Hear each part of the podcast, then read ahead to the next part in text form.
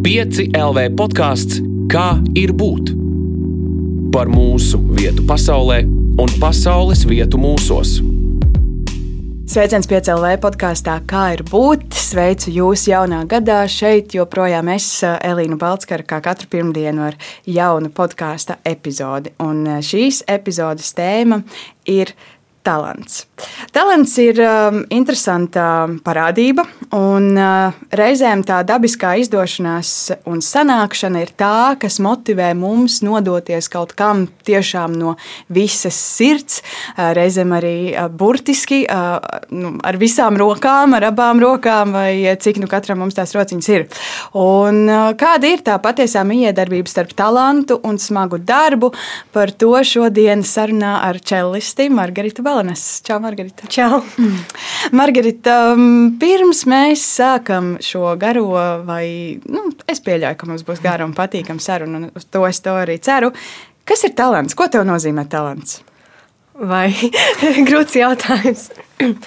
talants. Um, es pat īsti nezinu, ko talants tiešām nozīmē, bet es zinu, ka tikai ar talantu uh, iztikt nevar. Uh, talants ir darbs, talants ir jāizkopja, un talants bez darba nekas nav, manuprāt. Vai tev piemīt talants? Es ļoti ceru. es kā tu vērtē?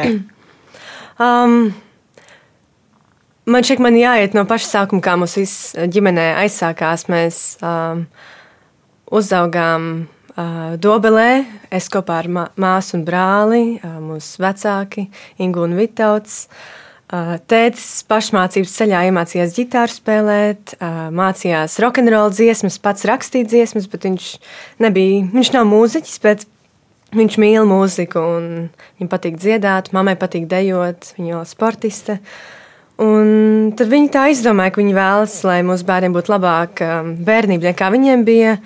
Un viņi mūs ved uz pulciņiem, mācīja mājās, kā dziedāt, dejojām, un tad sākām pieteikties visādos uh, rokenrola visādos konkursos un dziesmai paudzei, Olgas Disanīt, un tā mēs jau, man bija divi gadi, kad man bija pirmā publiskā īstenībā dziedāšana, un tas viss tā pamazām sāk ritēt uz mūzikas virzienu, un mēs pat īsti nedomājam, vai tā būs tā mūsu nākotne, vai tas būs nopietni. Mums vienkārši patika, un mums bija tā diezgan krāsaina tā bērnība. Un tad pirmā bija māsa Kristīna, kura um, kurai vecāki īstenībā jautāja, vai viņi vēlas spēlēt varbūt kādu mūzikas instrumentu. Un Dobelē tur nebija vispār nekāda izvēle. Gan drīz tajā laikā bija viola, man šeit kokle, varbūt klavieres. Un tad viņi izvēlējās violi, viņa arī mazāk, praktiskāk. Un tad es gāju līdz viņai stundām, jo vecākiem bija jāstrādā. Un tad mēs sēdējām solfeģo. Tad vienā brīdī bija tāds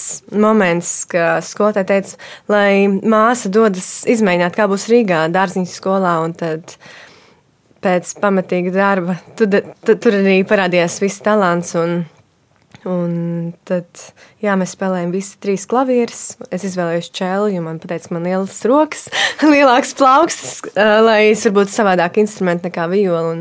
Man arī čēlis ļoti patika. Un, jā, un, jā, mēs, es saprotu, ka mēs daudz vingrinājāmies, ka mēs bijām maziņi. Un, un mums arī bija ļoti labi skolotāji, kas mūs motivēja. Un, Un mēs pieteicāmies konkursos, arī paši um, pelnījām naudu, spēlējot uz ielas, lai varētu pieteikties un braukt uz tiem konkursiem. Jo tajā laikā jau bija ļoti grūti viss gals savilkt kopā. Un, jā, tas viss tā pamazām aizgāja. Mēs tiešām tā ir disciplīna, un mēs viens otru vienmēr motivējām.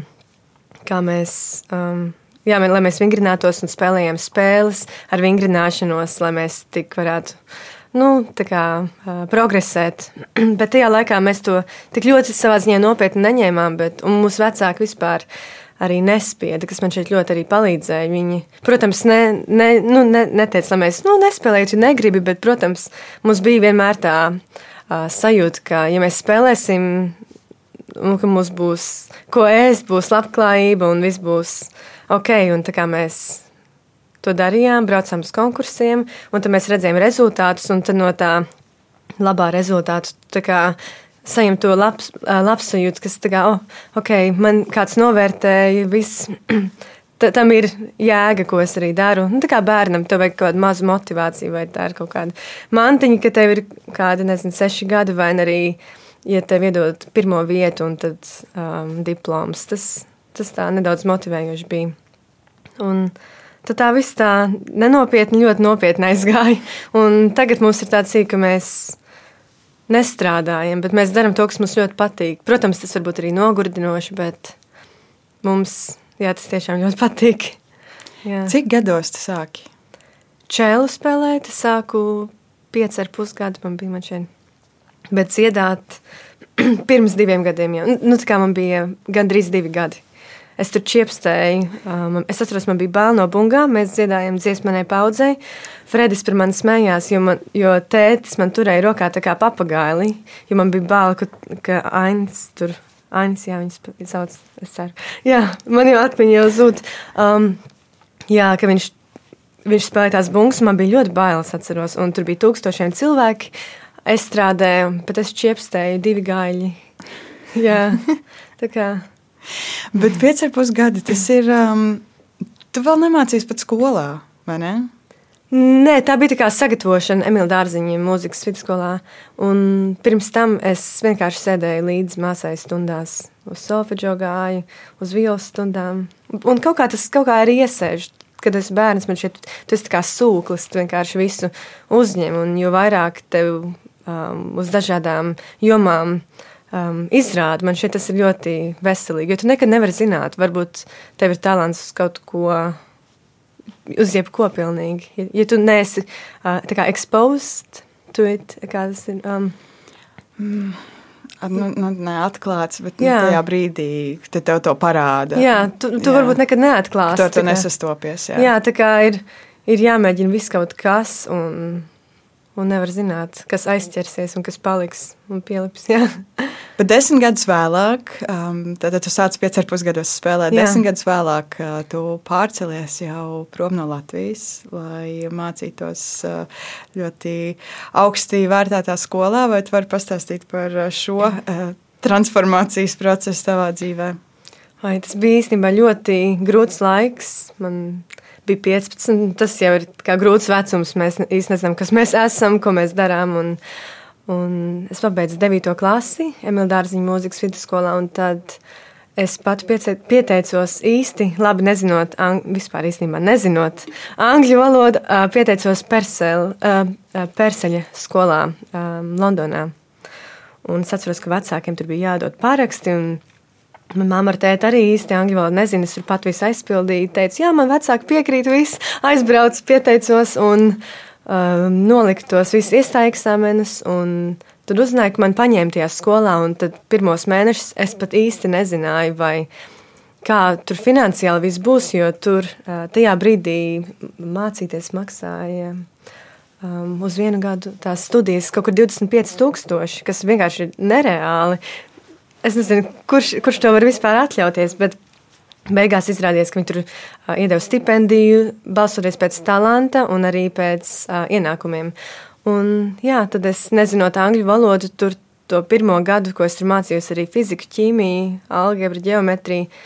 Un tad tulkoju vācu tekstus uz angļu, kas īstenībā nevienu valodu no tām īsti nezināja. Tas bija vienkārši šausmīgi un, protams, emocionāli un ļoti grūti. Bet, uh, Bet tad ar atbalstu no visiem pārējiem studentiem, no visām pasaules malām un no skolotājiem, tas man palika aizvien vieglāk un vieglāk. Un, jā, iz, izspiedi tam visam caur tam grūtajiem.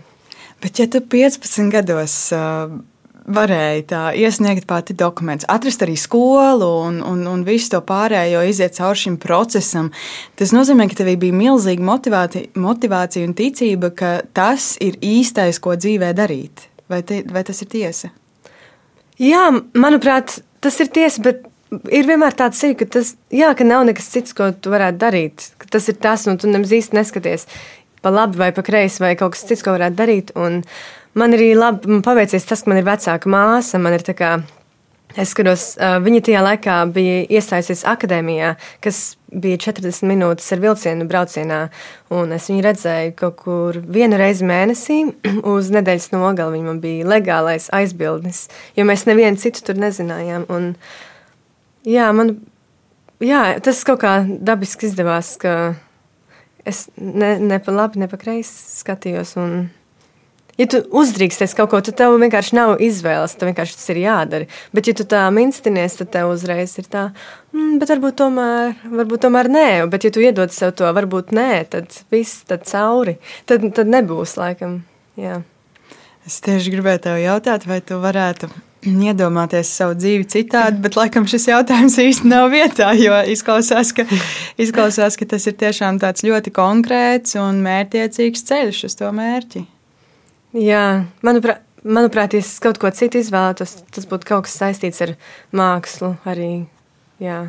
Es nevaru neko citu iztēloties. Kaut gan arī man liekas, ja tu tik ātri to sāc darīt, un, un mēs pirms mēs sākām ierakstīt, teici, ka tu nemaz tos savus septiņus gadus neatceries. Tas Jā. nozīmē, kopš tu sevi atceries, tu spēlē čelu, un tas droši vien ir tāpat kā es nezinu, elpot, Jā. ēst un gulēt. Ja tas kā ekstra orgāns, tu jūties, ka tas, ka tas nav cits instruments, bet tās ir tavas rokas, ka tas ir kaut kāds cits orgāns. Vienkārši liekas ļoti dabiski un nav, ne, nav tāda piepūle vai svešķermenis. Tas, tas liekas, ka nu, tas, tā ir daļa no manis un viss. Un dažreiz īstenībā grūti ir atdalīt arī sevi no instrumenta, jo tu domā, o, oh, es esmu, es dzīvoju tā kā mūzikā un tajā visā, bet es tomēr esmu arī cilvēks, un man viss, nu, es tomēr esmu ļoti parasts cilvēks, un dažreiz ir tā grūti, nu, to robežu arī nokt, un tas arī man šeit dažreiz ir nepieciešams, lai Jā, tā kā realitātes sajūta arī nevis, ka tu dzīvo mākslā un tur mūzikā, bet tā, jā, piezīmēti. Jā. Es kā reiz pirms neilga laika, kādā ierakstā, arī radio raidījumā, mums bija jāspēlē tāda spēle, kur bija visādas skaņas, un mums uzdeva dažādas jautājumus. Un tajā ierakstā, ierakstā bija jautājums, atvainojos, to pateikšu vēlreiz. Un tajā ierakstā bija jautājums, kur um, bija jāatbild, kuram instrumentam pilnīgi oficiāli ir dvēsele. Tad es uzzināju, ka violai acīm redzot, kaut kur visā tajā konstrukcijā esot kaut kāds elements, ko sauc par dvēseli. Kur ir čela dvēsele un kas mīt čela dvēselē? Čelam ir dvēsele. Arī? Jā, dvēsele īstenībā ir um, tāds, tā kā tehniski pasakot, viņ, viņš ir tāds kā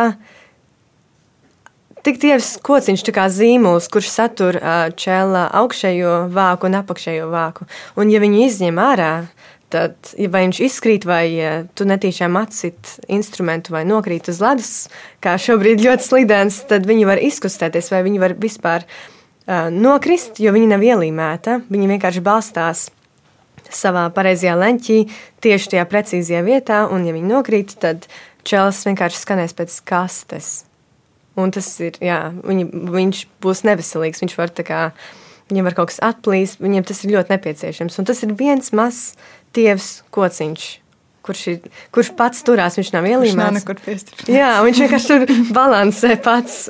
Un jā, viņš var izkustēties jebkurā brīdī. Ja tu kaut ko stīgas maini, pārāk ātri kaut ko atver, viņš var izkrist. Tā kā vienmēr uzmanīgi ar to dvēseli. ja, man liekas, interesanti vienkārši šis termins, jo es zināju, no tās violas stāsta, es sapratu, ka tas ir šis tehniskā, tehniskā detaļa, bet mēs to saucam par dvēseli. Bet, bet īstenībā smieklīgi ir tas, ka es tikko iztulkoju galvā, ka angliski viņu sauc par sound post. Angliski viņu sauc par tehnisku vienkārši puļķi, kurš tur instrumentam abas puses kopā. Bet, bet latvieši ir izdomājuši dvēseli. Es nezinu, no kurienes tas, kurā brīdī tas ir tapis, bet tas liekas daudz skaistāk. No, tas ir viens no svarīgākajiem. Um, gabaliņiem, kā LEGO. Un, tas, un analoģiski ļoti līdzīgi tai dvēselē, par ko mēs runājam cilvēkā, ne?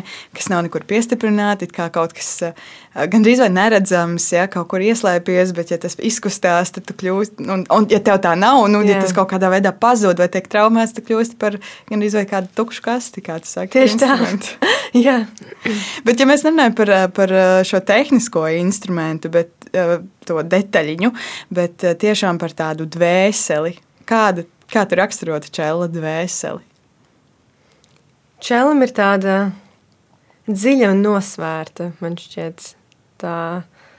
Es pat īsti nezinu, tādas sajūtas. Es nezinu, tā, es, man pat grūti tā iztaustāmi izstāstīt, bet um, tas ir kaut kas ļoti nosvērts un mierīgs. Un, jā, kaut kas, kaut kas tāds ar lēnu balsi, zemu balsi, jā, ar elpu. Jā. Jā, čels ir ļoti skaists instruments, un tu jau iepriekš minēji par to, ka dažkārt šķiet, ka tas instruments ir tā kā tava roka vēl viena, ja, vai tavs kaut kāds orgāns. Un, Visu dzīvi tu te jau esi pavadījusi ar šo instrumentu, un es tieši tik daudz domāju pirms šīs sarunas, kādas ir tavas attiecības ar šo instrumentu. Jo ļoti iespējams, tu ar to instrumentu pavadi daudz vairāk laika kā ar jebkuru personu šajā pasaulē. Un vai šīs attiecības, jā, vai tas ir es un priekšmets, vai tas jau kļūst par es un persona? Kā, kādas tās ir? Um, jā, tev ir tiešām taisnība. es, uh, tu tā ļoti labi jūti, uh, kā tas varētu būt. Tas tiešām ir nedaudz tā kā ar personu. Bet tā nav parasta persona. Viņa viņi īsti tevi dažreiz arī neuzklausa. Tas, tas var būt arī vienpusējas attiecības savā ziņā, jo, piemēram, mans instruments ir ļoti cimperlīgs un viņš ir ļoti jutīgs uz laikapstākļiem, uz jebko, ja, savādāks mitrums gaisā, viņš varbūt, es saku, viņš, viņš neatbildēs tik skaidri un varbūt viņiem būs kaut kādas švīkstošas skaņas, tas ir ļoti atkarīgs no viņa, un es to īsti nekad nevaru paredzēt. Un, Jā, tās ir ļoti komplicētas attiecības bieži vien. Un, jā, cimperlīgs viņš ir ļoti. Jā. Jā. Tas tik jauki, kā tu, kā tu tos tiešām saki un, un uzrunā viņu kā, kā, kā viņu. Tas kā trakā.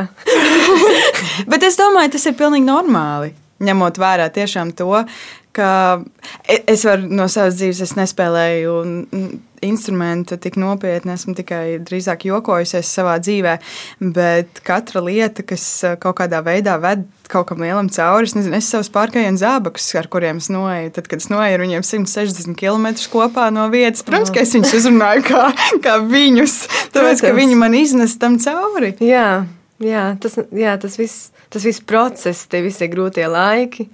Un visi labie laiki arī jūs izdzīvojat visu kopā. Tas... Nu jā, un tīpaši, ja jūs esat divi tā. Jā. Jā, un arī, kad es lidoju ar čēlu, īstenībā viņš man vienmēr blakus sēž krēslā. Un, un viņiem ir tādi, tādi pleci, un tu vari vienmēr nolikt nedaudz jaku vai mazu spilvenu un gulēt viņiem virsū. Un, un tas ir diezgan nomierinoši. Ir tīpaši, ja tev ir jālido ļoti ilgi un visu laiku regulāri. Un, ja tu lido viens, un tas tev tiešām tā kā atbalsta sniedz. Kaut gan tas ir kā, fizisks objekts, bet tas tev tomēr dod kā, mieru. Un šajā un, fiziskajā objektā ļoti daudz emocijas, iekšā, jā, ko un, tu patiesi viņam iedos. Tieši, un viņš arī nerunā. Dažreiz var paveikties vai nepaveikties, ja tu apsēries kādam blakus un ļoti runātīgi, bet šēls vienmēr kluss. Labs ceļbiedrs.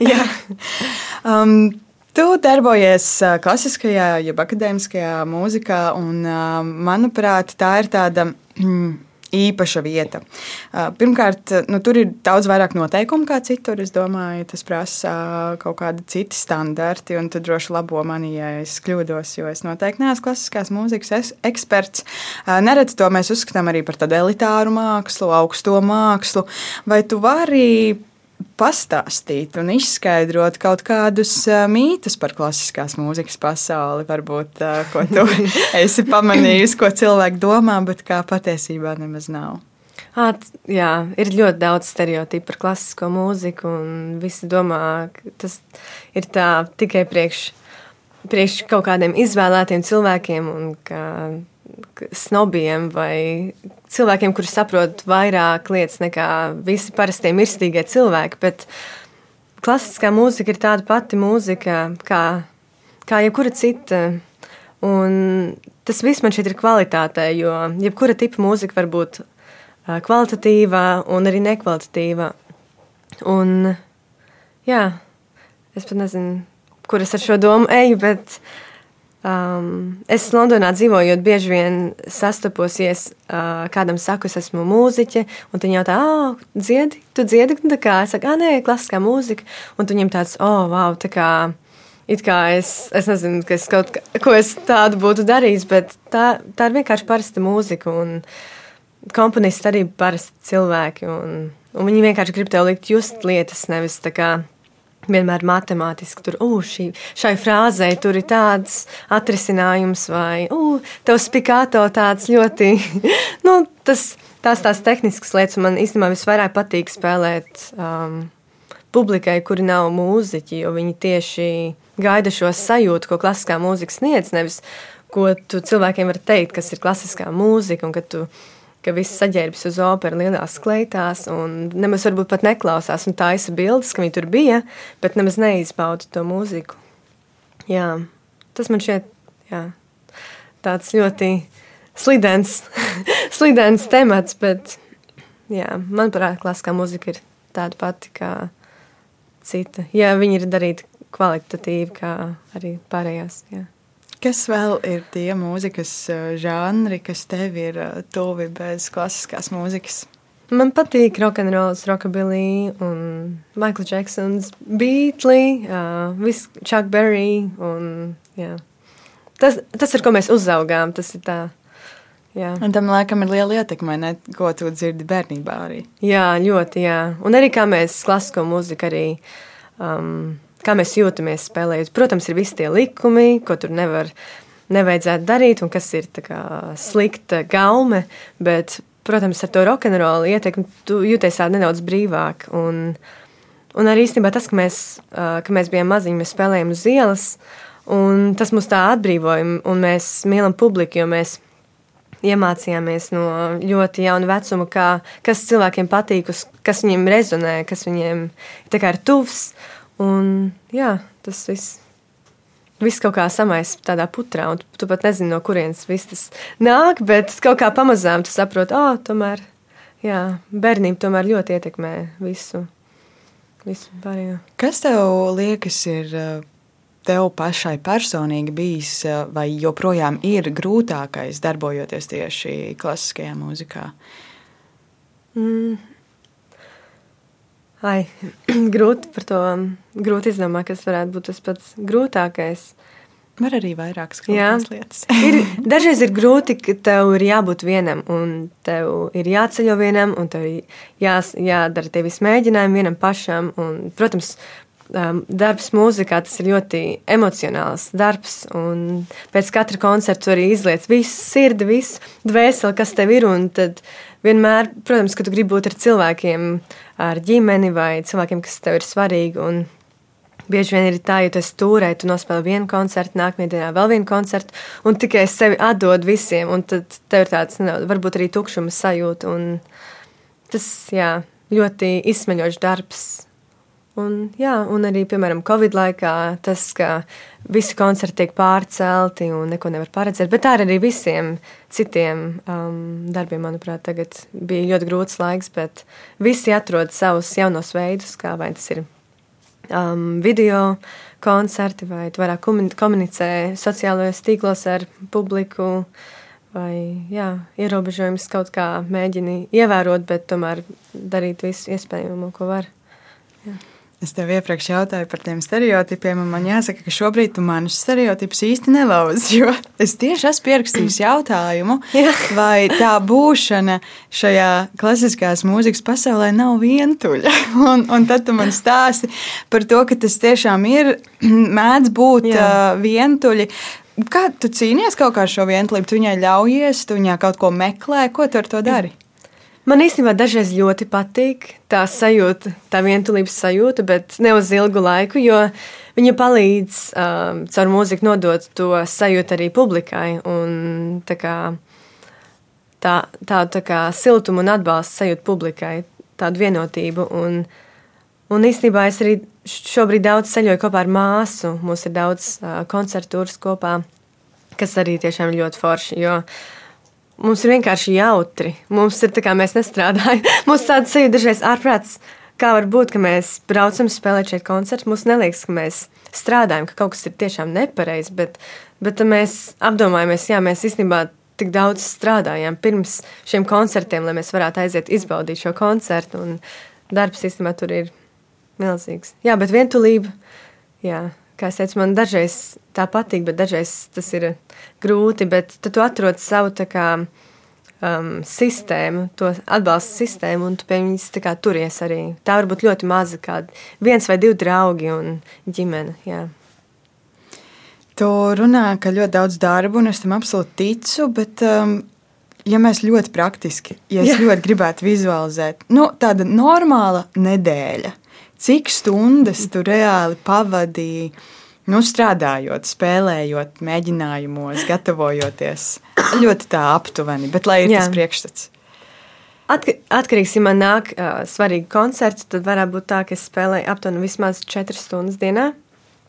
Un, protams, uh, tā čēla spēlēšana, tā karjera, viss tas darbs nav tikai tā fiziskā čēla spēlēšana. Tur ir arī plānošana, tur ir arī ēpasti, tur ir programmē, nu, programmu repertuāru taisīšanu un, un jāiet, to jāsatiek cilvēki, tur jādomā par pilnīgi visu, tur jādomā par, uh, par visiem publicitātes materiāliem, sociāliem tīkliem, uh, ko tu vilksi, kā tu izskatīsies un ar ko tu nākamo sadarbosies. Tur tā kā Man šķiet, ka es strādāju 24, 7, bet tas nav tā, tā ka es sēžu pie galda un es to daru, bet galvā ir vienmēr tas kā, stress un tā kustība. Tas nevienmēr ir slikts stress, bet tā kā, tāda kustība visu laiku. Tu nevari, oh, es tagad atpūtīšos divām stundām. Tā nekad nevar būt. Tu nevari tā izslēgt visu, jo tas ir, tas ir tā iegājies, ka tas ir tavā sistēmā, un tu vienkārši nevari no tā tikt vaļā. Jā. Tu jūties vairāk kā izpildītāja vai kā radītāja? Man šķiet, ka radītāja. Jā. Kāpēc? Jo beig beigās tev droši vien iedod skaņu darbu, vai ne? Jā. Un tu viņu izpildi. Es viņu izpildu, bet kā es viņu izpildu, man tur ir radīšanas process. Kamēr es to skaņdarbu skatos, um, analizēju, ko es tur gribētu darīt un ko komponists tur ir izdomājis, man viņš tā kā no jauna uh, jārada. Un, jā, un arī koncerta laikā tu ļaujies kā, dažām arī spontānām uh, protams, pirmīt apdomātām lietām, bet tas ir vairāk tāds radīšanas process nekā izpildījums. Jā. Atgriežoties pie talanta, mēs jau nedaudz pašā sākumā to arī ieskicējām par to, ka talanta attīstīšanai nepieciešams liels darbs. Tad vai tu teiktu, ka tieši šajā akadēmiskās mūzikas pasaulē būtiskāks ir tieši uh, tā tava spēja ieguldīt darbu vai šis talants? Darbs. Vienmēr būs darbs, jā. jo talants, talants Bieži vien sanāk tā, ka talantīgākie cilvēki ir slinkāki, arī, jo, jo mēs uz to talantu varam arī paļauties. Un, oh, nu, vienmēr nav jāmācās, oh, es tur tie ieskaitēju, tur visu tikšu cauri, bet tā īstenībā nav. Bieži vien ir tā, ka netalantīgāki cilvēki ar smago darbu kārtīgi visu samācīsies un, Un tas viņam daudz tālāk, um, viņus daudz tālāk arī vedīs, jo, jo tur ir vajadzīga disciplīna, tev ir vajadzīga arī motivācija. Tu nevari paļauties uz to talantu, kuru tu pat nevari tā īsti sataustīt. Nu, tas talants ir kā mēs runājam par dvēseli, ka mēs par to runājam, bet mēs nezinām īsti, kas tas ir. Bet darbs darbam ir, darbam ir pamats un struktūra. Un tas ir tiešām nepieciešams. Ir īpaši, ja mēs gribam uh, um, būt vai mūziķi vai ārsti. Jo mēs nevaram tā kā, tā kā ārstam būt, oh, es esmu talantīgs, bet, bet es nezinu, vai šoreiz sanāks.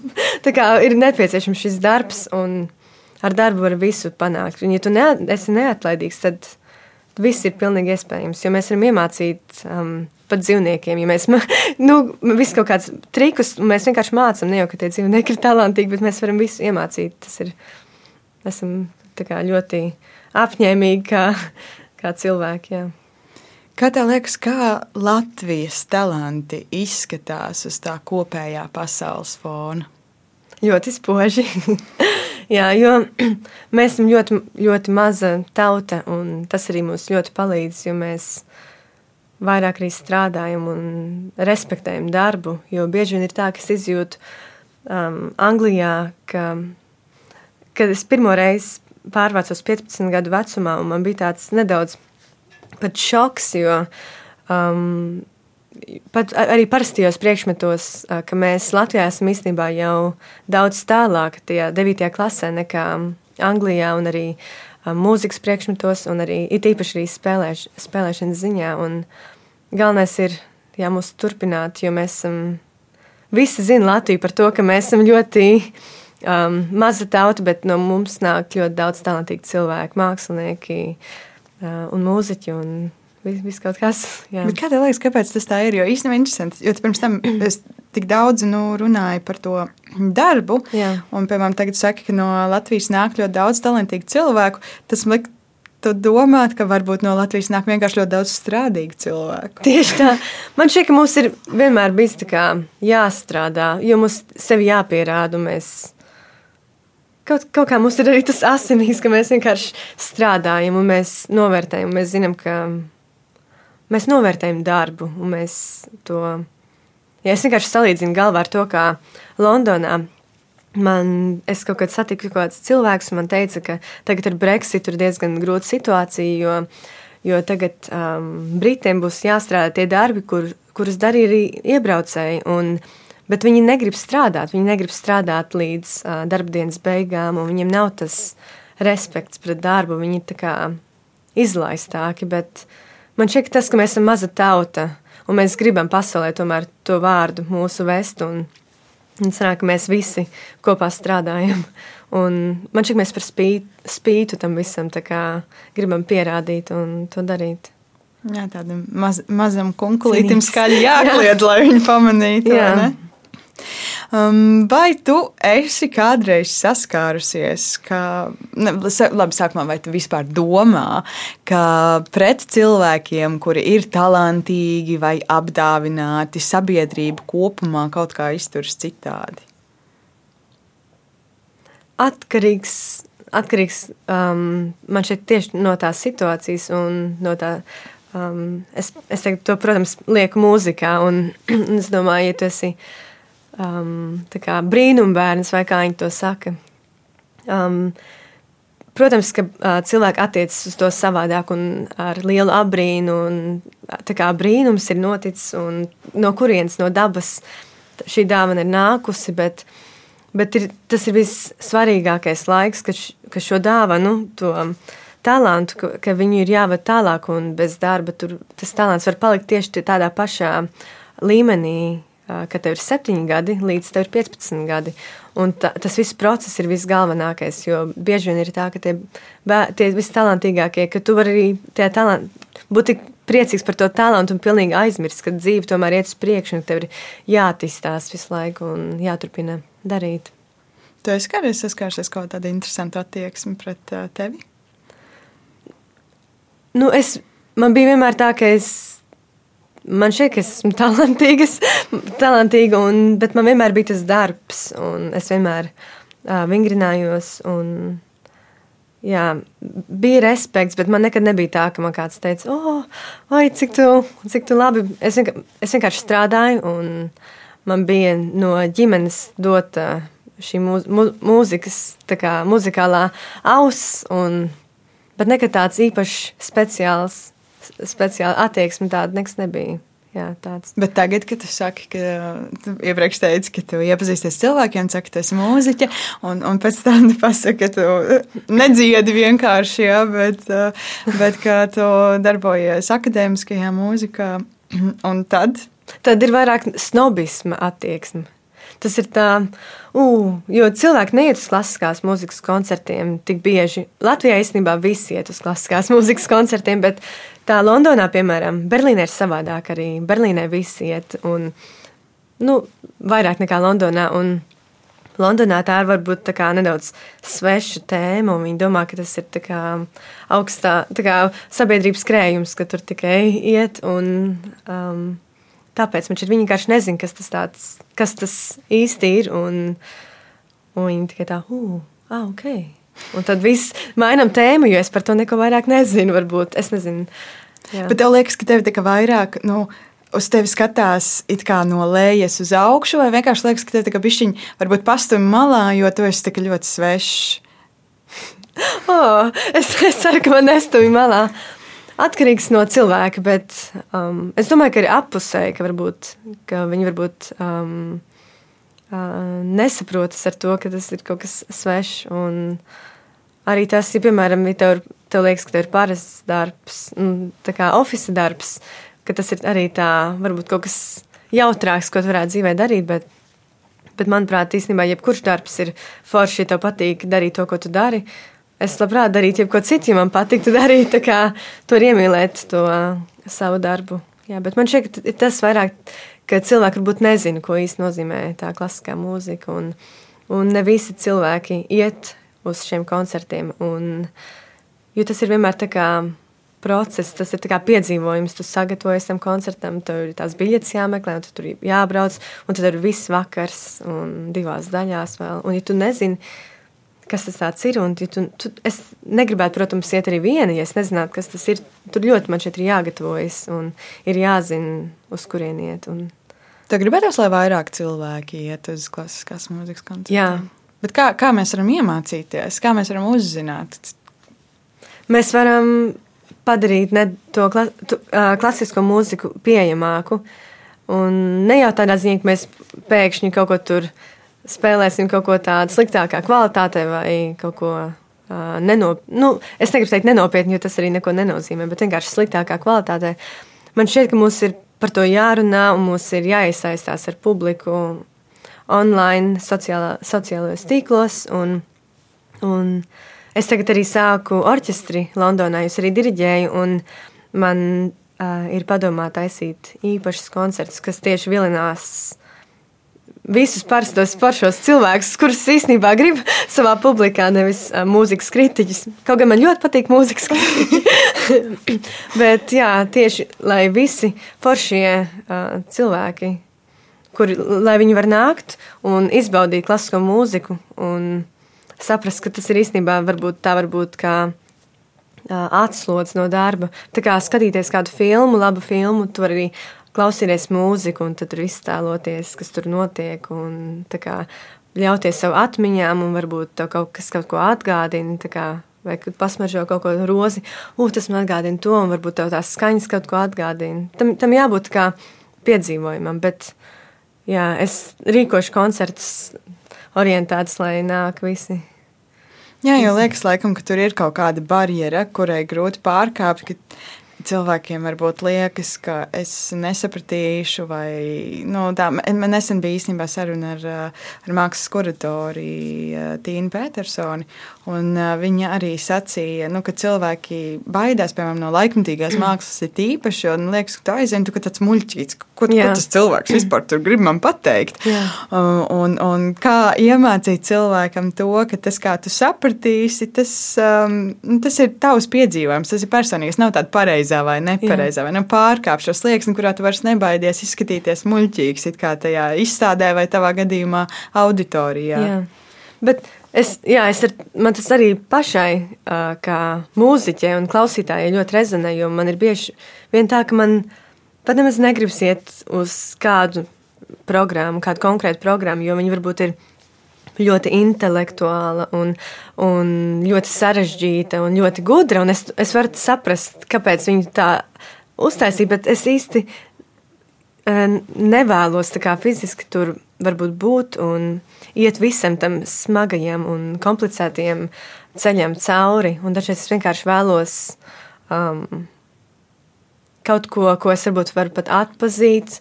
Es, es nenāju par visiem kā, populāriem mūzikām, bet kaut ko sagramojamāku. Un, ja man ir bijusi smaga diena, tad um, klausīties kaut ko ļoti sarežģītu, tas var būt ļoti nogurdinoši arī. Un, un, kas ir super dažreiz, bet um, tas var būt arī jā, ļoti sarežģīti esmu manai, manai galvai. Un, jā, es ļoti saprotu, kā cilvēki var teikt. Es nesapratīšu, negribu justies tā kā. Vai arī, ka tu, ka tu vienkārši nevari atbrīvoties tajā visā. Un, jā. Bet tu vari visu pielāgot. Un, Jā. Es, es tev prasīšu tagad, un tu drīkst man tagad neatbildēt, tad, ja tu man pēc tam atsūtīsi. Bet es iedomājos, cik tas būtu lieliski, ja tu mums iedotu, piemēram, kaut kādus piecus skaņdarbus, ko cilvēki varētu noklausīties, kas tieši nav nu, šie, kur drausmīgi jāiesprings, bet kas tev būtu tādi, pie kuriem tu teiksi, ka tu vari atpūsties. Tu Jā. atsūtīsi. Varu, jā, bet īstenībā es par to atpūšanos teikt, tā domāju, ka man ne, nekur, es, man nav tā, ja man ar visu mūziku ir tā, ka man ir aktīvi jāklausās. Nu. Un, Bet ir tāda forša skaņdarba, kur, kur liekas, oh, re, kur es varu saprast, ka tajā laikā tas bija kā rokenrols. Oh, es varu izmērīt, ko viņi tur dara. Oh, šeit ir tik stilīgi. Un, un, jā, viņš kaut ko tur dīvaini mēģināja, bet izklausās tā kā jāstri vai forši. Un tajā laikā tur iedomāties, ka cilvēki arī bija cilvēki. Un, ka nav viss tik ļoti, ļoti sarežģīti. Un, protams, pēc tam tu vari virzīties kaut kā visos citos virzienos, bet ir, jā, ir tam pašam sākumam, kā tu pirmo reizi to klasisko mūziku klausies, tas ir ļoti svarīgi. Un vai tev patīk tā pirmā um, uh, sastapšanās, vai arī nē, un tas man šeit arī visu izsaka. Jā.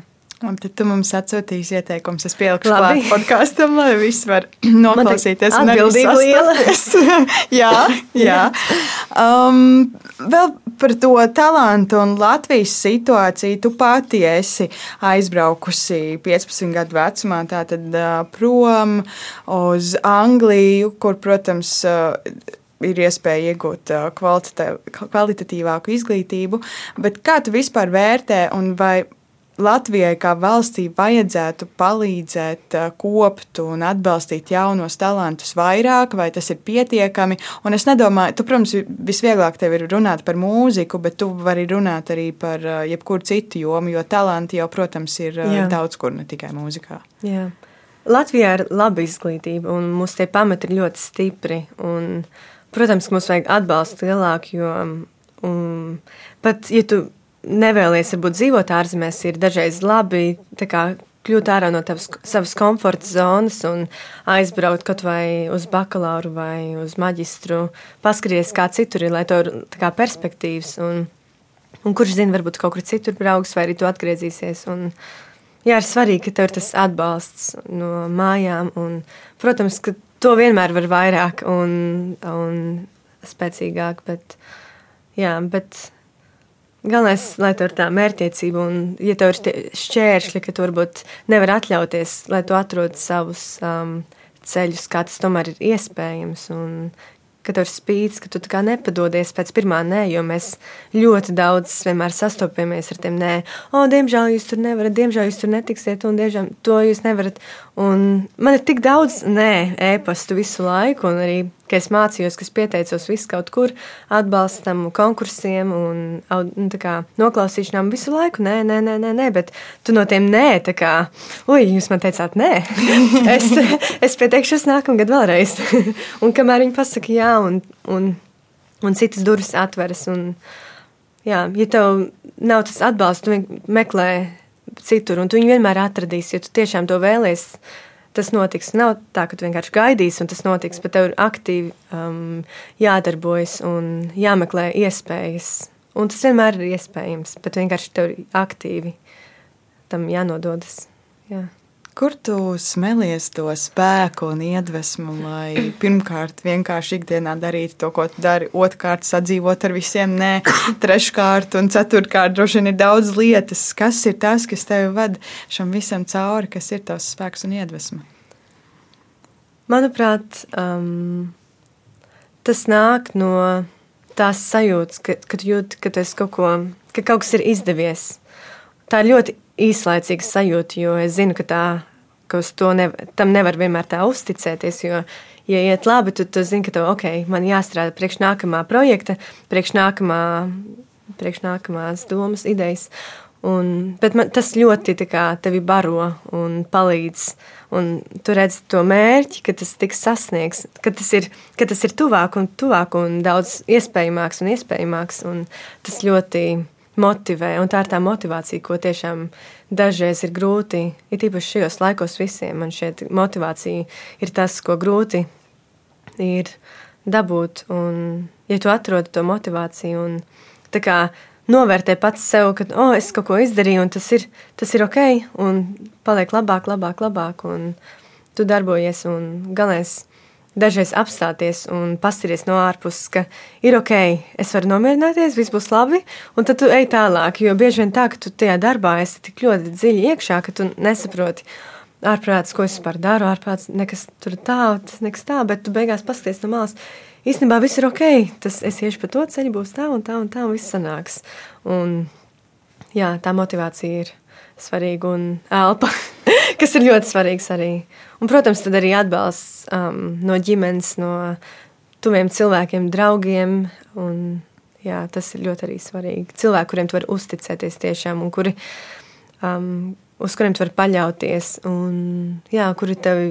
Um, kuri varbūt tev dod arī kritiku, vai, bet viņi nekad tā, ka vienmēr tas viss ir pozitīvi un ka tā kā tavās paš, tava paša, um, uh, kā saka, lab, nevis labsjūtē, bet um, Labklājība. Nu, tavā, jā, labum, tavās labumam, ka tas, jā, ka, tas ne, jā. ka tas nav nekas slikts. Pret tevi, jā. jā, bet cilvēki, kuriem tu vari uzticēties, tas ļoti palīdz. Es ticu, ka tava ģimene tev ir liels atbalsts, un tu jau minēji gan māsu, gan brāli, vecākus. Bet jūs visi trīs esat arī mūziķi. Vai jums kaut kāda ir tāda veselīga konkurence starp jums, vai neko tādu nejūti?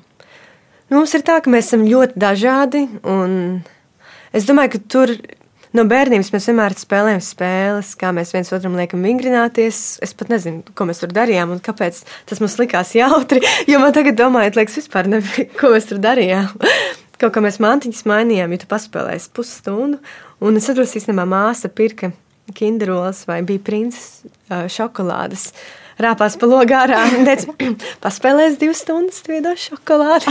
bet, bet tā mēs vienmēr viens otru atbalstījām. Mums nebija tā, ui, nu, kā tur to, es ceru, ka to nesanāks. Bet ne, mums no bērnības vienmēr bija tā, ka mēs ejam visi trīs kopā un neviens nedrīkst palikt aiz līnijas, ka mums visiem trijiem jābūt um, kopā. Un tas īstenībā ir diezgan grūti, es tā padomāju no malas skatoties, jo ko darīt, tam vienam nesanāk? Tas būtu vienkārši tik grūti emocionāli un vispār.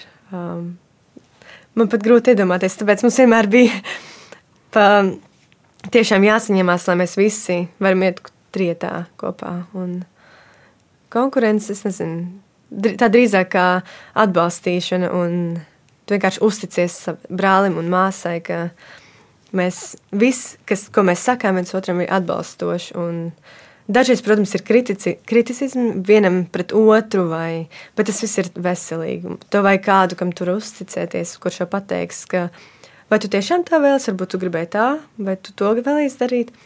To tev vajag. Tas tā kā maza, maza balss bals tev galvā vienmēr, ja tas ir veselīgi un nepieciešams, lai tu vari izaugt un attīstīties. Tu pirms tam minēji, ka mums eh, visiem šobrīd ir eh, grūti ar motivāciju. Tu teici, šajā laikā. Kas Jā. ir šis laiks? Mm.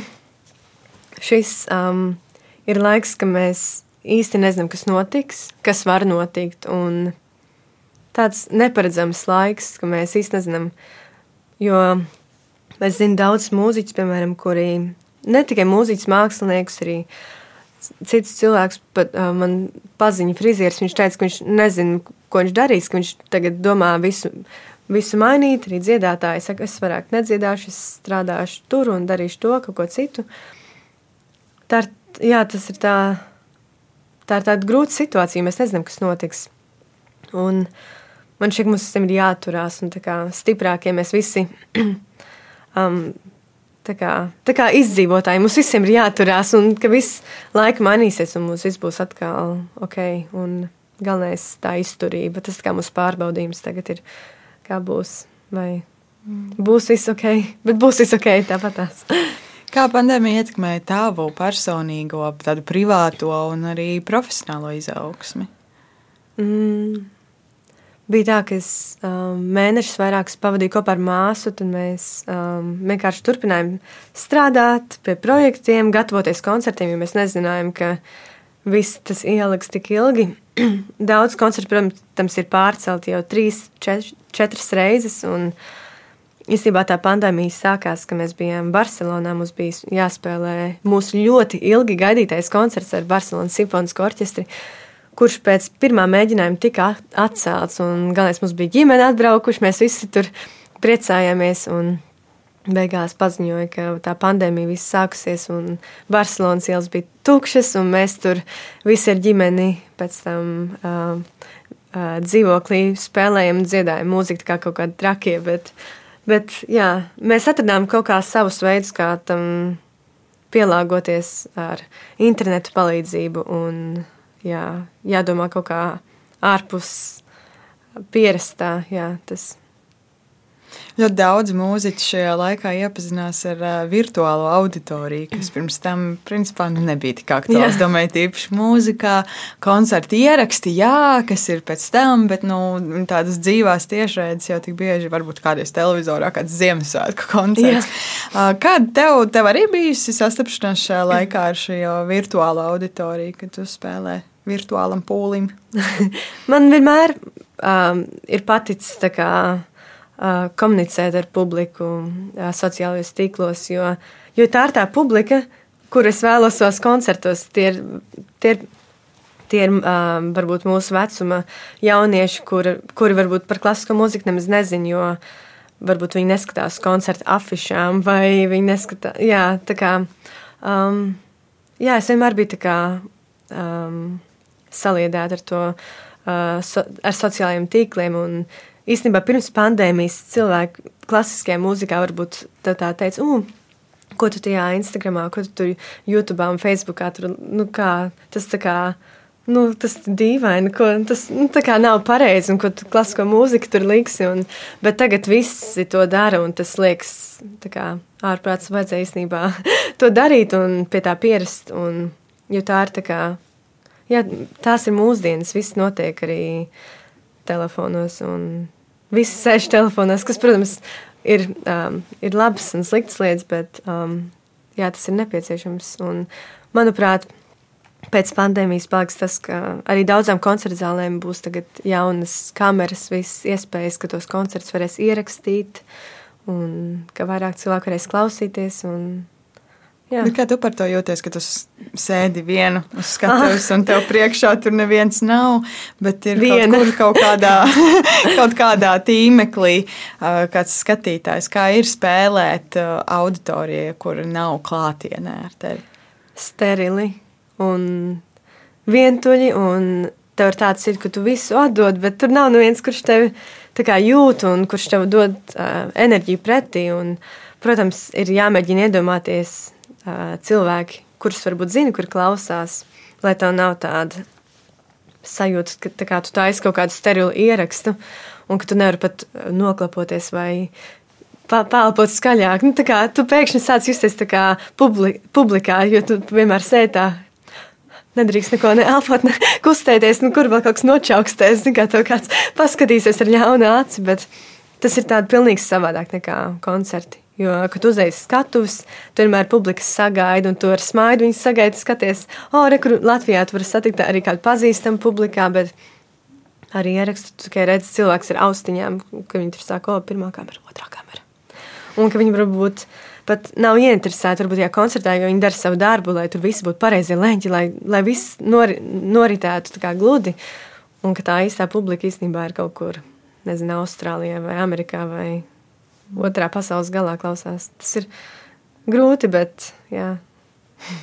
Tu minēji, ka tu nedabūji to enerģiju, jo tur nav no kā viņu dabūt. uh, kas ir tā enerģija, ko tu sagaidīji, tad, kad tu aizēji uz koncertu, tu uzstājies? Kas ir tā enerģija, kā tu to raksturot, ko tu dabūji pretī? Hmm. Tas ir labs jautājums. Tas, to nevar pat tādā vienā vārdā nosaukt, jo tu zini, ka tā publika ir tur atnākusi un viņi, viņas, viņi tev uzticās un tu viņus vedīsi kaut kādā ceļojumā, un tas viss ir atkarīgs no tevis. Viņi tev tiešām uzticās, un, un tu vari just vienmēr, vai viņiem, viņiem tas uh, kaut ko maina, vai, viņiem, vai tas, ko tu dari, vai tas viņus ietekmē. Un man vienmēr patīk just tā kā mazās skaņas, ko publika taisa, vai kaut kādā dramatiskā brīdī pēkšņi kāds oh, uztais kaut kādu skaņu, man tāds, oh, es, viņi tomēr ir ar mani līdzi. Un, un ka tu dažreiz varbūt ar vienu acu paskaties, ka viņi klausās un sēž uz um, krēsla malas. Bet, jā. Man mājās ir īpaši Latvijā ļoti patīk spēlēt. Un, Jā, jo latvieši mēs esam diezgan īstenībā augsti, tā kā ziemeļnieki. Un, ja, ja, ja sanāk iekustināt mūsu augstās sirdis, tad, tad tas ir kaut kas ļoti emocionāls. Mums bija tagad ar māsu tik, tikko divas dienas atpakaļ Lūznavā koncerts. Mums bija stāvovācijas, un visi lat, mūsu, mūsu paši paršie latvieši um, nevis bļāva, bet nu, tiešām tik ļoti priecīgi. Un, To es tik sen nebiju redzējis, un arī pirms tās visas pandēmijas viss likās tā kā viss ir, viss ir ok, pēkšņi viss pandēmija ir aizmirsta, un ka mēs esam tomēr arī karstasinīgi, nevis tikai tādi introverti. Jā. Iespējams, arī liekas, pandēmija varbūt mums ir ļāvusi novērtēt tās emocijas, vai ne? Un to, ko mēs Jā. varam izrādīt. Un tad, kad mēs esam tik ilgi bijuši iegrožoti, un tad pēkšņi mums ir iespēja beidzot īstiem dzīviem cilvēkiem pateikt, cik ir labi, tad Jā. mēs arī skaļāk varbūt pasakām to paldies. Margit, šī epizode ir um, pirmā 2022. gadā ir tik dīvaini teikt šos vārdus, un, un um, tu tikko stāstīji par to enerģiju, ko, ko tu dabūji no koncertiem. Kas ir tā enerģija, kuru tu novēli šajā gadā saglabāt visiem tiem cilvēkiem, kuri mūs šobrīd klausās? Es novēlu mums visiem būt pacietīgiem un ticēt sev un jā, nepadoties un, un neuztvert visu pārāk arī nopietni. Bieži vien mēs analizējam visu, bet jā, Mēs esam šeit uz ļoti īsu laiku. Visi, mums ir jāizbauda katrs moments no katra. No katras mazās, mazā, kā, sas, mazās sastapšanās mums vienmēr kaut kas pozitīvs jāņem. Un, un nepieķerties negatīviem, laist visu tā kā, tā kā projām. Un, jā, būt priecīgiem un nepārāk nopietniem. Paldies, tev, sirsnīgs par šo sarunu. Es visu laiku domāju, nu, kā es varētu vienā vārdā noraksturot, jo man šī ir tāda oh, priecīga pieredze. Un es saprotu, pacilājošs. Tas ir laikam tas, kā es jūtos pēc sarunas ar tevi. Es ļoti ceru, ka arī tie, kuri mūs klausījās, noķēra to pašu sajūtu un arī var beigt epizodi ar tādu pacilājošu sajūtu. Paldies, tev, ka tu mums to sniedzi! Paldies tev! Bija prieks būt! Paldies arī tev, ka tu klausījies. Jauna kārbūt epizode iznāk katru pirmdienu, un lai nepalaistu garām jaunāko, droši piesako mums tajā straumēšanas platformā, kur tu šobrīd mūsu klausies, lai mēs varam tikties jau nākamajā pirmdienā. Paldies, tev, ka tu klausījies, lai tev jauks gads, tiekamies atā!